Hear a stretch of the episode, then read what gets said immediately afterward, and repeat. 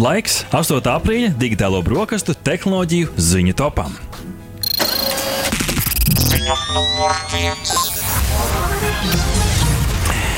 Latvijas tulkošanas platformā Hugo.CLV no aprīļa ieviesta automātiskās tulkošanas iespēja arī ukraiņu valodā. Brīvi pieejamais valoda Rīgas tīmeklī nodrošina automatizētu tulkošanu latviešu, angļu, krievu un tagad arī ukraiņu valodā no un uz latviešu valodu. Var tulkot gan atsevišķus vārdus, gan garākus tekstus un pat dokumentus, kā arī vesels tīmekļu vietnes. Platforma Hugo LV šī izstrādē un tajā tulkošanā konkrēti jau ir izmantot mākslīgā intelekta risinājumu. Turklāt platforma ir īpaši pielāgota latviešu valodai un dokumentiem, kas ir, kas ir būtiski. Līdz ar to, to tulkošanas kvalitāte uz un no latviešu latviešu valodu ar Hugo LV esot pat daudz augstāk salīdzinot ar globālajām platformām. Kā stāsta Kultūras informācijas sistēmu centrs, Ukrāņu valodu platformā ievies, lai palīdzētu mūsu valstī uzņemtajiem Ukrāņu tautas pārstāvjiem ātrāk iedzīvoties Latvijā, nokārtot formalitātes, kas saistītas ar dzīvesvietas atrašanu, darbā iekārtošanu un tam līdzīgi, kā arī lai vienkārši palīdzētu ar ikdienišķu un sadzīvisku saziņu. Jā, Hugo LV klausītāja ir Latvijas valsts pārvaldes tulkošanas platforma, kuru izstrādā uzņēmums Tilde. Tā ir savā ziņā, kā jau Vārts minēja, alternatīva lielajām pasaules platformām. Jāizceļ gan tieši tas, ka uh, unikālā šī iezīme, ka ir iespēja pievienot tajā dokumentu un sistēmu to iztulko, saglabājot formatējumu. Mm. Vai nav vērti? Tev ir prezentācija latviešu valodā, bet jāuzstājas konferencē angliski. Ieliec iekšā prezentāciju un lejupielādā prezentāciju, kura jau ir iztulkota angļu valodā. Par to prezentāciju es nezinu, par Word dokumentiem. Es noteikti. esmu arī prezentācijas strādājis iekšā, tā kā strādāja, un uh, kopumā man liekas ļoti ērti. Bet te gan uzreiz jāņem vērā arī tas, ka mēs varam būt diezgan laimīgi, ka mums šāda platforma ir un arī ir kāda šāda uzņēmuma, kas nodarbojas ar latviešu valodas tulkošanu. Jo latviešu valoda ir salīdzinoši pasaules fona neliela valoda, un ir labi, ka kāds nodarbojas ar pētniecību mm. un strādā pie tā, lai tā pēc iespējas labāk arī tiktu uh, tulkota uz citām uh, valodām. Tā kā par to prieks. Rikārd, tev kā Twitter mīlim, šī nākamā ziņa patiešām patiks. Vien, uh, viena no visu laiku pieprasītākajām Twitter funkcijām. Vai tu vari uzminēt, kas tā ir? Jā, nu es nezinu, nelasīju tos tvītus, kas nepatīk. tas būtu skaisti. Tas mākslīgais algoritms būtu tik gudrs, bet nē, tvītu rediģēšana, jeb labošana. Twitter patiešām strādā pie šādas labošanas funkcionalitātes ieviešanas, un sākotnēji to testēs atsevišķu lietotāju grupās, bet tas jau nozīmē, ka izstrāde ir sākusies. Uzņēmums gan nesteidzas rediģēšanas publiskošanu, lai neizveidotu funkciju, kuru var novest pie informācijas sagrozīšanas post factum, kā ziņo portāls The Verge. Citējam, bez tādām lietām kā laika limiti, kontrols mehānismu un caurspīdīgums par to, kas ticis rediģēts, rediģēta funkcija varētu tikt izmantota nelietprātīgi, lai mainītu sarunu vēsturi. Uzskat, uh, uzsver Twitter pārstāvis Džejs Salivans un turpina skaidrot, sabiedrības sarunu integritātes saglabāšana ir viena no mūsu top prioritātēm, ar kuru mēs esam ķērušies pie šī uzdevuma. Citāta beigas. Jā, nu tiešām šī varētu būt tāda pat uh, revolucionāra pārmaiņa priekš šī sociālā tīkla. Jā, nu, noteikti es arī pievienotos tam, ka tiešām jāizstrādā šis rīks tā, lai uh, netiek, netiek mainīta zināmā mērā uh, vēsture, kas pateikts, tas pateikts, uh, bet nu, no otras puses tie nekontrolētie dusmu plūdi, tvīti pēc garas balītas agr, agros rītos vai vienkārši pārrakstīšanās, uh, nu, šāda, uh, šādas situācijas varētu būt pagātne Twitter platformā platformā. Uh, starp citu, interesanti, šoreiz tikai sakritība, taču Ilons Masks, uh, slavenais uzņēmējs un vizionārs, aizdījošajā nedēļā ir iegādājies 9,2% Twitter akciju, turpmāk būs viens no Twitter padomus locekļiem. Viņš, starp citu, reiz bija ietvītojis, ka vajadzētu to uh, tvītu rediģēšanas uh, funkciju, un pēc tam Twitter gan viņam atbildēja, ka nu, šis paziņojums par, par šādas funkcijas uh, potenciālu ieviešanu nekādā veidā nesot saistīts ar viņa šo te uh, tvītu. Nu, redz, kā bagātiem cilvēkiem bagātas spēlītes.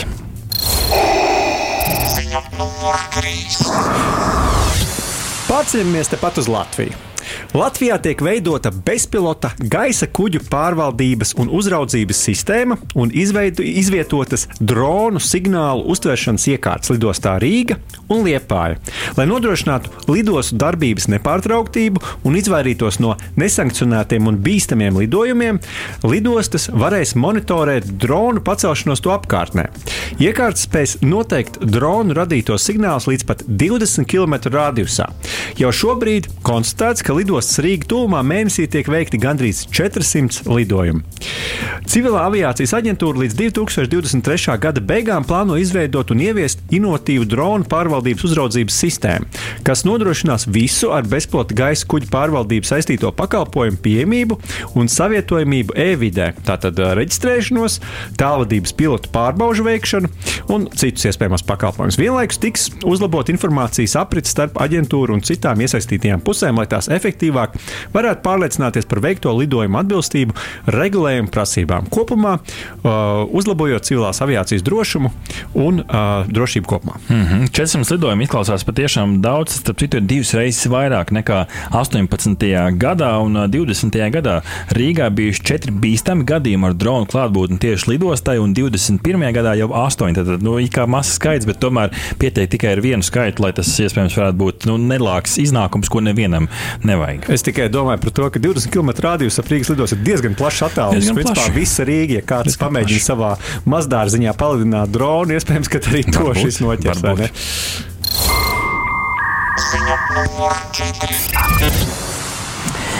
Boston Dynamics radītājiem robotsunim Spot atrod ar vien jaunas un jaunas pielietojumus. Jaunākais no tiem - Pompeju pilsētas drupu apsargāšana un apsakošana.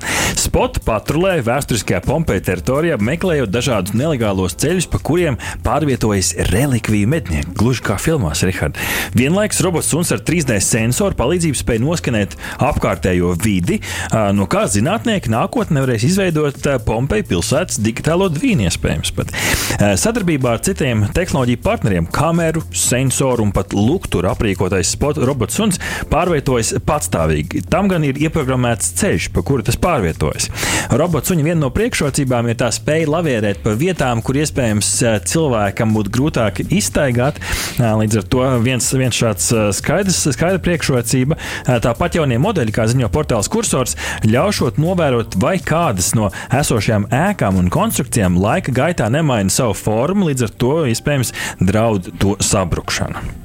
Jā, nu, spot un citi roboti nebeidz pārsteigt. Tiešām, kur tik tos neizmanto un ko tik, to, un ko tik tie nedara? Dejo krāmē kastes, vēl kratus un vienkārši, zināmā mērā, biedē garām gājies ar savu futūristisko, bet reizē arī dzīvniekam līdzīgo gaitu. Mm -hmm. Labā ziņa cilvēkiem. Tie joprojām strādā, šie, šie roboti joprojām strādā stingri pēc ieprogrammētām darbībām, bez algoritma, principā nekur. Taču uh, intriģējoši būs tā diena, kad algoritmi būs tik attīstīti, ka robots suns varēs ne tikai iet pa ieprogrammētu taciņu, bet jau brīvi izsekot tos pašus iepriekš minētos relikviju medniekus uh, Pompeja trupās.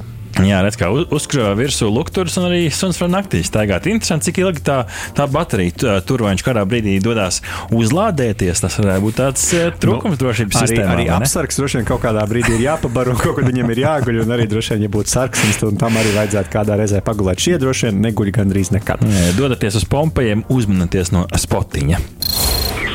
Ziņa numur 5. Viens no pasaulē ikoniskākajiem spēkratiem, DeLorean, kurš plašākai sabiedrībai ir zināms kā lidojošā un laikā ceļojošā automašīna no Back to the Future franšīzes, atdzims jaunā koncepta auto dizainā ar elektrisko motoru.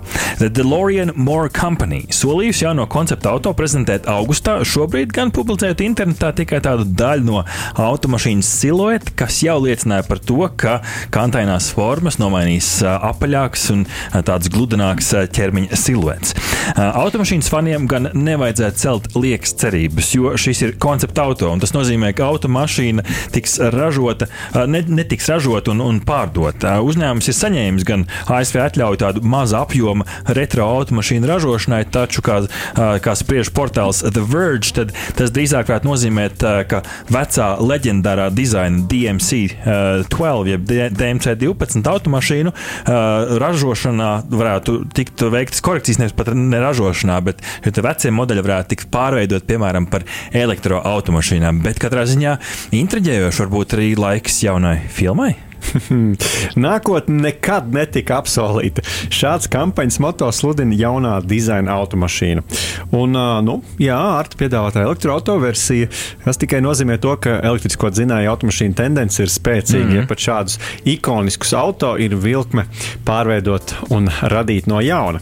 Nu, atliek tikai gaidīt, vai arī jums ir DeLorean automašīna, iekāpt tajā un uzņemt ātrumu 88 jūdzes stundā. Un tad jau mēs visi zinām, kas notiek notiks. Jā, tad iespējams varētu saprast, vai nākotnē būs arī nākamā filma, bet redz, kā laikam tā prognoze pagaidām vēl nepiepildās filmā. Ja mēs nu, vēlākie filmas fani zinās, ka automašīna tajā brīdī, kad viņi padarīja par lidojošu automašīnu, šis te, zinātnieks Doks Browns radīja funkciju, kur tur šajā atkritumā, nu, te degvielas tvertnē iemet atkritumus, un tad tie atkritumi pārstrādājās un radās enerģija. Nu, tik avansēta un zaļa šī sistēma vēl nebūs, bet varbūt to flaks flux capacitor varēs barot patiešām ar šo elektro, elektro uzlādi. Un katrā ziņā interesanti un intriģējoši, ka šādas ikoniskas mašīnas, un kas ir nākamais, Night Rider, jeb Kits, šī melnā lecošā mašīna, varbūt, varbūt arī šeit būs kāds interesants, interesants pārveidojums un imitācija.